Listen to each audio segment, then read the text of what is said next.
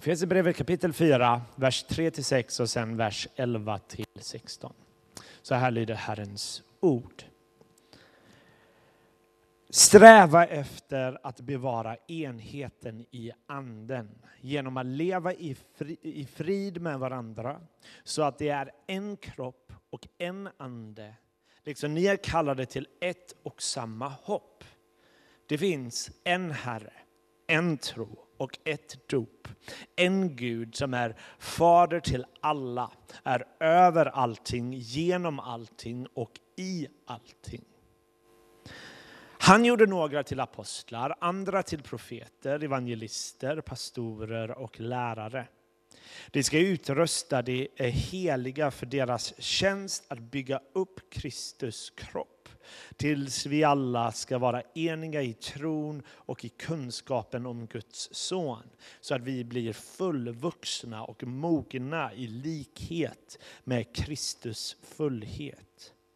Då är vi inte längre barn som kastas hit och dit av vågorna och blåses åt olika håll av varje lärovind i bedrägliga mänskliga spel som med list lockar till villfarelse. Nej, vi ska i kärlek hålla fast vid sanningen och i allting växa upp till honom som är huvudet, Kristus. Det är han som fogar samman hela kroppen och håller ihop den med hjälp av alla dess eh, leder genom att varje del ger sitt stöd med den kraft han har gett den. Så växer hela kroppen och byggs upp i kärlek.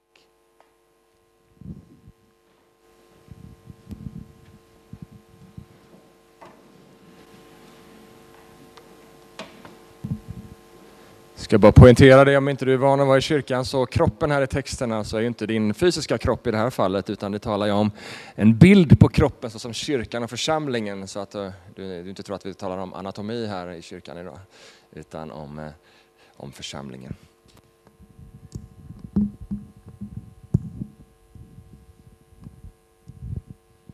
Mår ni bra? Sitter ni bra? Härligt, gott att se dig här så här efter jul och nyår. Och man börjar hitta tillbaka till sina rutiner och liksom lite till hur livet var innan alla köttbullar och eh, knäck och allt vad det kan vara. Eh, och en del av er har också hittat tillbaka hit till kyrkan idag. Vi är glada att du är här för att dela gemenskap med oss den här söndagen. Gott.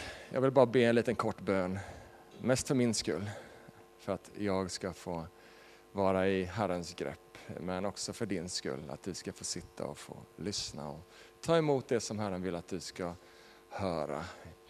Tack Herre för att vi får samlas tillsammans idag Herre. Tack att vi får samlas i den här kyrkan här i Landala den här söndagen Herre.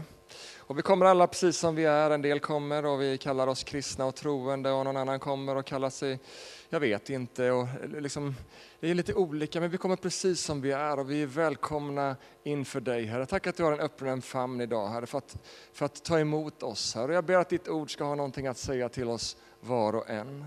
Så därför ber jag att du ska hålla mig i ditt grepp idag Herre med din helige Ande, att jag med din hjälp ska få predika ditt ord så att det blir till uppbyggelse och det blir till nytta. I Jesu namn. Amen. Ny serie, Vår tro. Och då ställde jag mig direkt frågan, spelar det någon roll vad man tror? Så länge man tror på någonting. Spelar det någon roll vad man tror så länge man tror?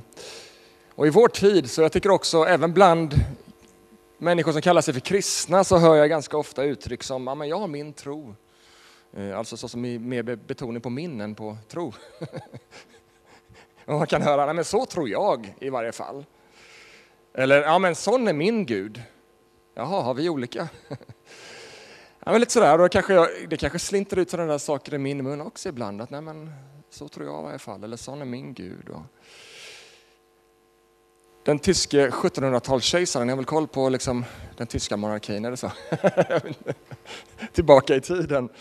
Eh, nu har, har de någon kung nu? Jag vet inte hur det fungerar i Tyskland, jag har inte riktigt koll på statsskick. Men det spelar ingen roll, på 1700-talet hade de det. Och han hette kejsaren Fredrik den store. Och han lär ha myntat talesättet att var och en blir salig på sin egen tro. Är det någon som har hört det? Nej? Jag har hört det. Var och en blir salig på sin egen tro. Och det ligger ganska mycket också i linje med vad, vad liksom dagens eh, liksom, eh, populärpsykologi, liksom, eh, de ligger, utgår ofta från samma liksom, sätt att tänka, där man tillskriver tro såsom sådan. Var och en blir lycklig i sin egen tro. Liksom, populärpsykologi är, liksom, det är inte så viktigt vad du tror, bara du tror på någonting. Det är som att tron i sig, man tillskriver tron i sig någon form av magi eller makt. Tro på vad du vill. Bara du tror så är framgången din. Bara du tror på något så ger det dig mening och lycka. Och absolut, jag tror att det finns, det finns sanning i att ett positivt tänkande det liksom ger någon form av framåtlutning, eller hur? liksom man tror på något, det, liksom, det skapar positivitet och det ger en framåtlutning och det kan ge medvind i sig, åtminstone till en viss del och för en tid. Men jag tror vi alla någonstans måste erkänna, ja det kanske kan ge någon form av liksom medvind, men när det handlar om frid i själen, när det handlar om saker som gemenskap med någon form av Gud, när det handlar om sann mening och verkligt hopp, jag menar, det kan aldrig finnas i bara på tro på precis vad som helst. Det kan inte ge liksom svaret på de här djupaste frågorna. Lyssna nu. Din tro blir aldrig starkare och verkligare än styrkan och verkligheten i det objektet som din tro är baserad på. Din tro blir aldrig starkare och mer verklig än styrkan och verkligheten hos objektet som din tro är baserad på. Ja, jag slipade på den meningen ganska länge, den blev lång och invecklad märkte jag. Men jag tror ni hängde med på vad jag säger. Och det gäller liksom tro i allmänhet, det gäller tron på din affärsidé, om du har en affärsidé. Det gäller tron på din förmåga att bli tennisproffs eller annat du vill tro på. Är affärsidén stark så kommer din tro att ta dig längre. Är du med mig? Därför att objektet för det du tror på har en inbyggd, inbyggd styrka i sig. Har du bollkänsla så kommer din tro liksom, du kommer, kommer hjälpa dig lite längre att nå lite närmre din dröm att bli tennisproffs. Vad tror du om Gud? Vem är Gud för dig? När det kommer till tro på Gud så är tron aldrig starkare än den Gud du bekänner och den Gud du tror på. Ja, men jag har min Gud, sån är min Gud. Om du har din egna bild, förstå mig nu verkligen vad jag är ute efter, om du har din egna bild av Gud, en bild som inte är rotad i vad Gud själv låtit oss veta om honom. Om du har din tro på din Gud så är det slutändan du och dina idéer som är objektet för din tro. Och resultatet av din tro, om din tro ska ha framgång, blir i slutändan upp till dig. Och bärigheten i dina egna idéer och tankar och bilder av vem Gud är, det hamnar ganska mycket på dig. Så tänk dig för nästa gång du bygger din egna bild av vem Gud är. Nej, men den kristna, liksom det här liksom som kristna har trott, nej, jag, jag vill ha min Gud så här. Ja, med det kommer ett eget ansvar. är ni med mig? Men om din tro på Gud är rotad i vem Gud verkligen är och vad han har låtit oss veta om sig själv, då är tron istället beroende av hans förmåga, av hans förmåga att leva upp till den han säger sig vara. Vad vi tror spelar roll. Det är därför som dagens text slår fast med en sån tydlighet i vers 6. Det är som att vers 6 bara kommer som en bara, liksom man talar lite grann, så kommer vers 6, 5 eh, och 6 med en sån, det står så här. Det finns en Herre. Det finns en tro. Ett dop. en Gud som är fader till alla, är över allting, genom allting och i allting. En. Gud är inte olika från person till person. Eller liksom en opersonlig diffus kraft som liksom man liksom inte riktigt kan på något sätt närma sig. Jesus är inte vem du gör honom till eller vad vår samtid vill tillskriva honom och göra honom till. Kristen tro är inte vad vi vill tycka att det är. Så här är kristen tro för mig lite som att pussla ihop ett pussel med de bitar som du tycker passar en tro som passar för mig. Jag fick en bok i julklapp som är här inne faktiskt. Som heter Lär känna Gud och du som gav den vet vem det var. Det var inte julklapp, det var födelsedagspresent. Jag fyller år dagen innan julafton så jag har lite svårt att skilja på mina myriader av gåvor som människor vill ge mig. Har också det problemet. en bok som heter Lär känna Gud av J.I. Packer, en sån här riktig gigant inom den kristna världen som gick bort här för några år sedan. Eh, men som, som liksom är en, en av de här riktiga som har fått genomslag för att vara en kristen tänkare. Och han skriver i den boken liksom, eh, väldigt rakt på sak, men man, när man läser sammanhanget så märker man att det är i all välvilja och med kärlek. Och han skriver så här, att följa sina egna teologiska föreställningar är ett säkert sätt att aldrig lära känna Gud. Sina egna idéer.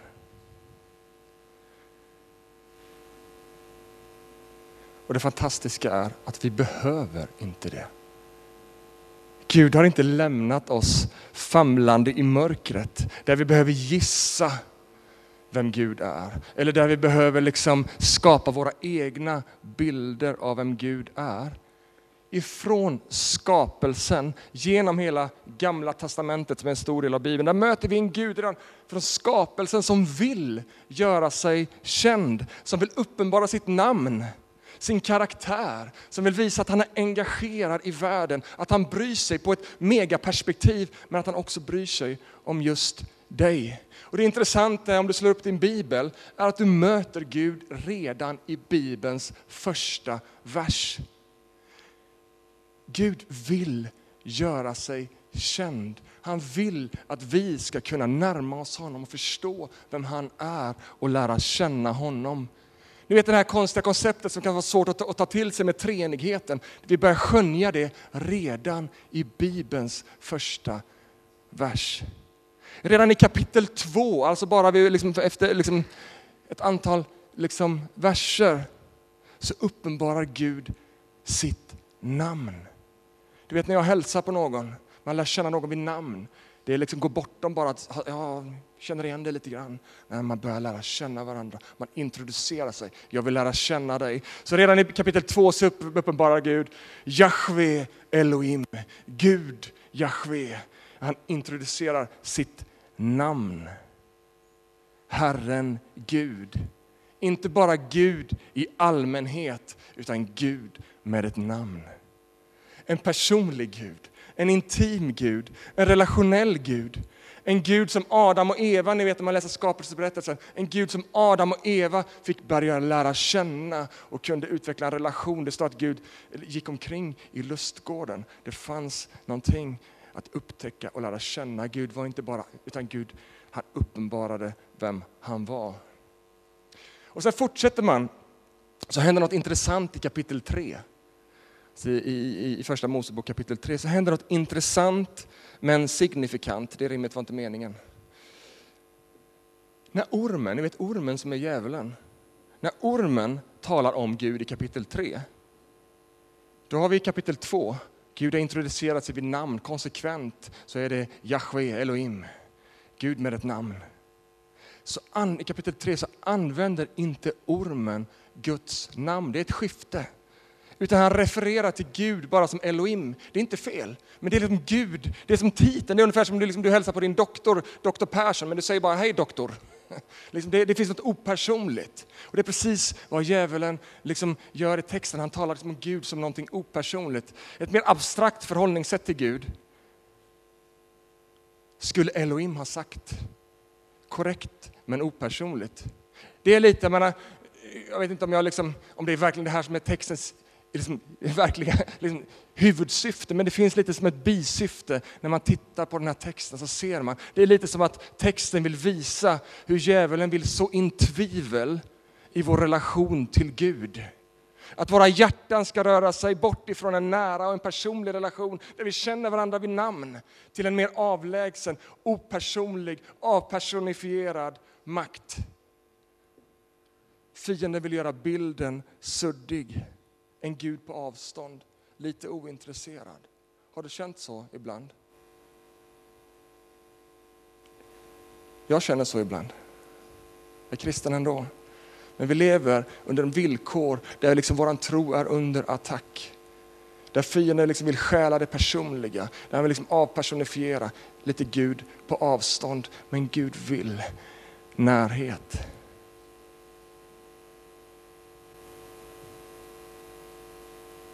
Gud är en Gud som vill göra sig själv känd och som fortsätter genom hela den bibliska berättelsen och genom hela historien att göra sig känd. Då hoppar vi in i Nya Testamentet som är andra halvan av Bibeln. Så skriver Eugene Peterson i sin översättning The Message att Gud blir som en av oss och flyttar in i vårt grannskap. Skriver han i Johannes första kapitel. Flyttar in i vårt grannskap. Han vill granne med dig och mig. Göra sig själv känd som en av oss. Det sker i inkarnationen. Han möjliggör för oss att lära känna honom. Vi kan se Jesus, vi kan titta på hans liv, vi kan läsa om honom och vi kan lära känna Gud, vem Gud är. Så det finns liksom ett vi kan se på, det finns ett exempel. Men inte bara det, utan också genom Jesu död och uppståndelse så bryts avståndet och Gud kommer så nära och möjliggör att vi kan ha gemenskap med Gud igen. Vi kan se vem Gud är i Jesu liv, men vi kan också få utveckla en gemenskap och en närhet med Gud igen. Vi kan lära känna Gud.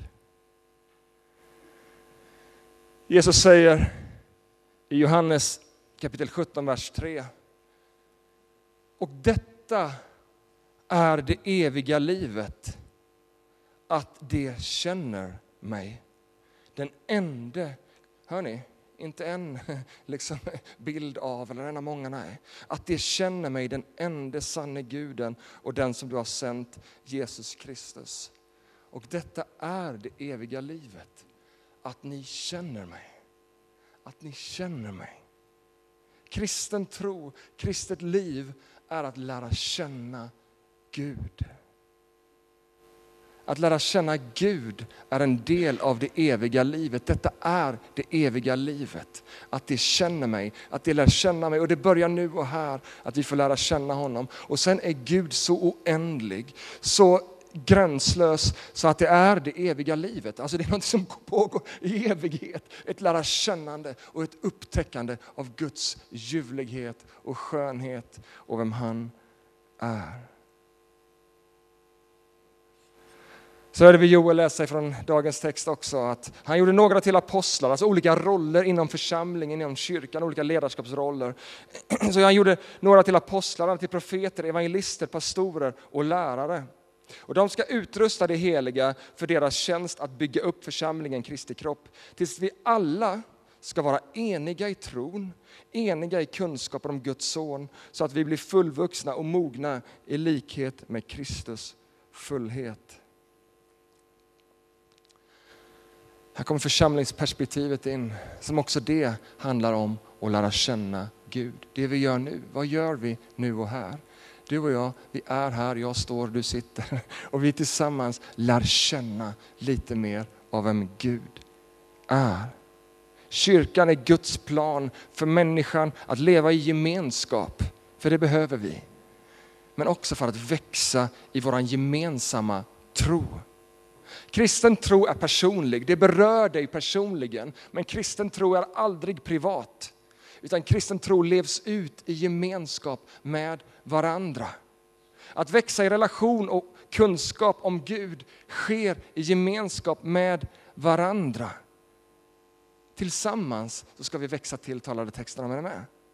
Att vi ska vara eniga tillsammans i tro och kunskap. På eget håll, jag tror att på eget håll är det så lätt att landa i de här egna bilderna av vem Gud är. Det händer så fort. För mig händer det, alltså, det kan räcka att jag möter kristna vänner liksom en dag och, och liksom pratar tillsammans. Åh, det är så glasklart. Och dagen efter så börjar bilden att suddas. Eller mellan en gudstjänst till en annan gudstjänst. Jag behöver det här, men jag är pastor. Jag behöver vara här varje vecka. För att jag är så lätt och driva iväg i mina egna bilder, i mina egna idéer. Förstår du? Jag behöver dig. Det är inte så att jag står här och liksom bara ska liksom vara liksom för din skull. Jag är här också för min skull. Jag behöver dig. Vi behöver varandra för att vi ska formas i den sanna tron på vem Gud är.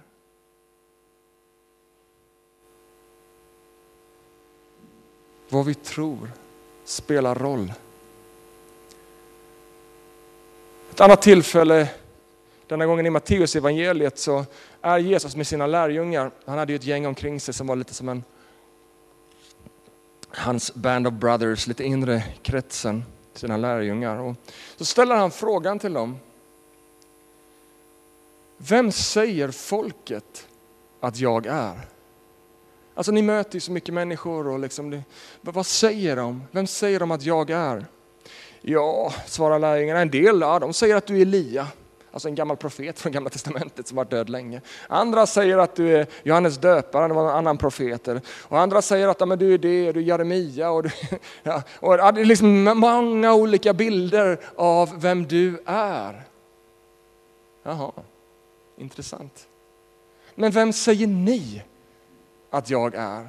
Säger Jesus då till sina lärjungar. Vem säger ni? Ja, för mig är du, nej. för mig är du, nej. Det kommer ett svar som är så grundläggande, där Simon Petrus säger, du är, inte jag tycker eller jag tänker, nej, du är Messias, den levande Gudens son. Jesus sa till honom, salig är du Simon Petrus, Jonas son. För, äh, salig är du Simon, Jonas son, för det är inte kött och blod som har uppenbarat det för dig, utan Fadern i himlen. Och jag säger dig, du är Petrus, du är klippan som jag ska bygga min församling på. Helvetets portar ska inte få makt över den. Jag ska ge dig himmelrikets nycklar. Allt som du binder på jorden ska vara bundet i himlen och allt som du löser på jorden ska vara löst i himlen. Varför ställer Jesus de här två frågorna? Det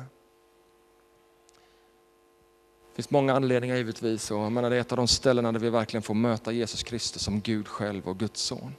Men vi ser också i den här texten att Jesus liksom, han visar att det spelar roll vad vi tror om vem Gud är.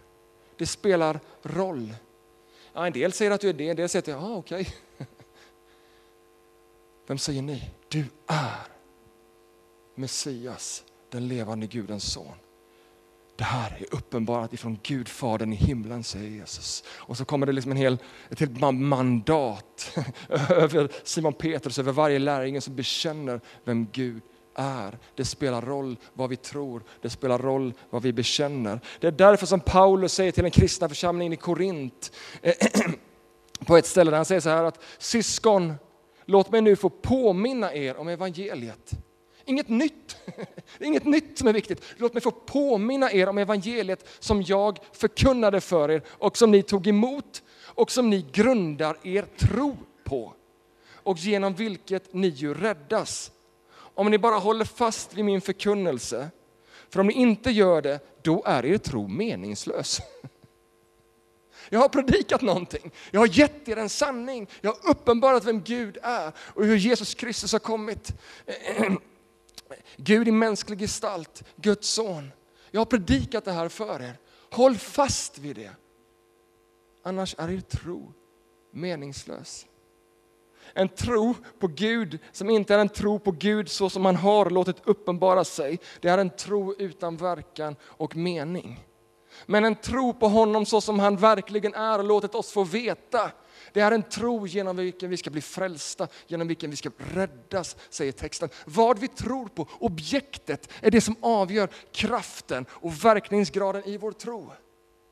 vad vi tror på. Tror vi på Jesus Kristus som Guds son, ja då tror vi på Gud själv. Och där finns det en verkningsgrad som går långt bortom vad du och jag kan, kan styra över. Genom vilken vi får evigt liv, genom vilket vi blir räddare, genom vilket vi får del av gudomlig natur och närvaro. Wow! Därför att vad vi tror på avgör allt. När det kommer till vår tro så är det inte innovation som räknas. I samhället överallt så är det innovation, vi ska innovera, vi ska hitta på nya grejer. Men när det kommer till vår tro så är det inte innovation utan att hålla fast vid de sanningar som Jesus genom sina apostlar och senare också genom Bibeln fört vidare. Det är därför också som Judas, som man tror är Jesu bror, uppmanar den tidiga kyrkan i sitt brev, som bara har ett kapitel, där säger han i vers 3, fortsätt att kämpa för en tro som en gång för alla, en gång för alla, en gång för alla har getts till det heliga. Och inledningen idag så fint som eh, när vi, vi skulle bett tillsammans, men eh, det finns en motstånd kring vad vi tror, därför att alla andra slides ville visa sig. Men trosbekännelsen, den har funkat en timme innan gudstjänsten. Men när det är gudstjänst, nej, då ska den inte visa sig. Så det är viktiga saker vi håller på med. Men vi bekände tillsammans med Joel, som, som hade taktpinnen, vår gemensamma tro i den apostoliska trosbekännelsen. Och precis som han sa så är det här en bekännelse som, som formaliserades på 400-500-talet, men som kyrkoforskare säger att man har bekänt i den kristna kyrkan sen tidigt, alltså kanske skifte mellan 100 och 200-tal. Alltså otroligt tidigt har man bekänt den apostoliska trosbekännelsen och som än idag bekänns av, av alla de stora kyrkoinriktningarna i världen. Och det har varit så genom alla tider och än idag. Ja, inte så som Bibeln, Bibeln är ju Bibeln, men som en summering av Bibelns samlade tro och budskap. Det som är centralt i apostlarnas undervisning. Så redan innan Bibeln var fullt sammansatt så bekände man gemensam tro, det som apostlarna hade lärt ut. Är det inte otroligt? Jag blev helt, först bara, men det är fint, och sen bara, så bara slog det mig hur, hur liksom, men du vet ju, du säger, har ni lekt viskleken någon gång? Man sitter i en ring och så viskar man någonting i en mening i någons öra och sen ska, det, ska man viska runt och sen till slut så, så bara blir det ett helt annat budskap än det som sades från början. Alltså saker förändras, det liksom läggs till, det dras ifrån. Och jag blev bara så helt fascinerad över att under typ 2000 år så har kristna globalt sett, i alla traditioner, bekänt och hållit fast vid den gemensamma tron. Vi har inte ändrat oss.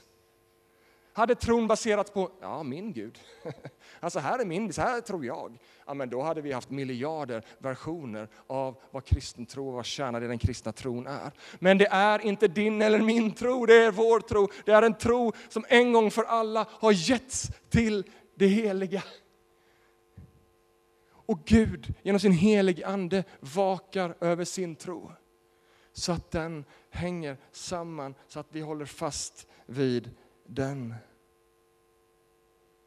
Ibland ges bilden av att kyrkan är så otroligt splittrad. Ja, hur kan man tro, hur kan man vara kristen? Det är ju så, sån splittring. Och, ja, är det verkligen det? Visst, det finns utmaningar att hålla ihop två miljarder. Hörde du? Två miljarder. Det finns utmaningar att hålla ihop över två miljarder. Jag tror exakt likadant om varenda detalj i den kristna tron. Men när det kommer till det gemensamma, är ni med mig? Över två miljarder bekänner tro på Jesus Kristus och bekänner, jag kan inte rabbla upp alla två miljarder, men, liksom, men, men, men, någonstans där man beskriver att det finns över två miljarder kristna i världen och att alla de kristna tror att traditionerna håller fast vid denna bekännelsen. Det som är viktigt och centralt i vår tro. Trosbekännelsen hjälper oss att i några få rader lyfta fram det centrala. Trosbekännelsen är som ett språk för vår tro. Det sätter ord på trons kärna. Det ger dig ett språk för vad du verkligen tror på. Och det är också teologi när den är som bäst. Den hjälper dig att få ett språk på vad du tror på. Och dagens predikan som vi nu håller på att landa och nästan är slut har varit som en introduktion till hela den här serien som vi nu ska ha fem, sex veckor framöver där vi ska mer i detalj utforska de olika områdena i trosbekännelsen och i grunden av våran tro. Vi kommer tala om vem är Gud? Varför Bibeln? Vem är människan? Jesus, frälsningen. Vem är anden? Vad är församlingen? Teman som vi ska få packa upp kommer fortfarande vara lite översiktligt, annars kan vi hålla på här. Men vi kommer liksom bara få, vad är det egentligen vi bekänner tillsammans? Den tro som en gång för alla har getts till det heliga. En Herre, en tro, ett dop, en Gud.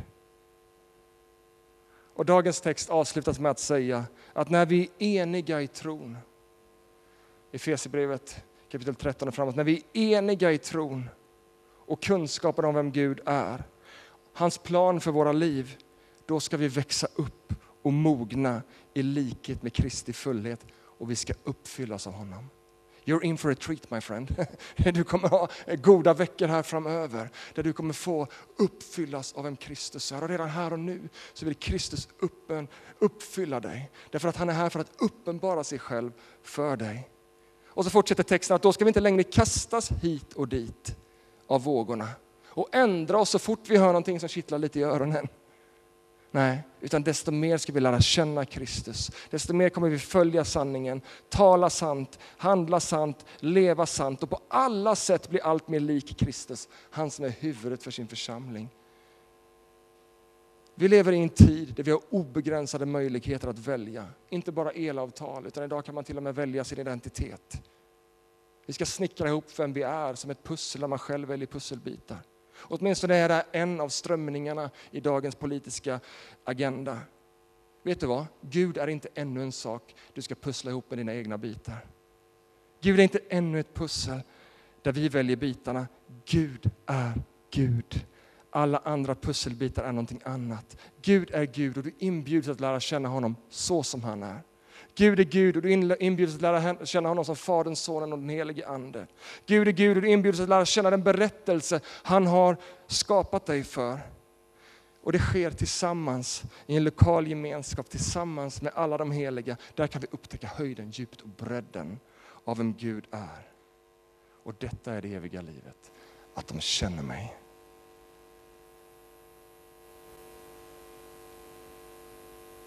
Charles Spurgeon, det absolut sista jag säger, han har skrivit så här. För Guds barn finns ingen högre vetskap, ingen djupare filosofi och inget mer värt att investera i och ägna sig åt än att studera Guds namn, hans natur, hans person, hans verk, hans gärningar och detta oerhörda att vi får kalla den store guden för vår far.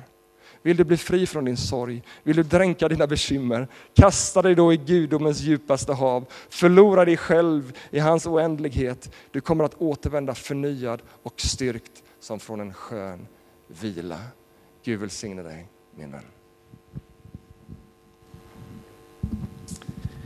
Tack Jakob. Ehm, nu ska vi ta en stund av lovsjunga tillsammans. Men det finns även nu en möjlighet att även ge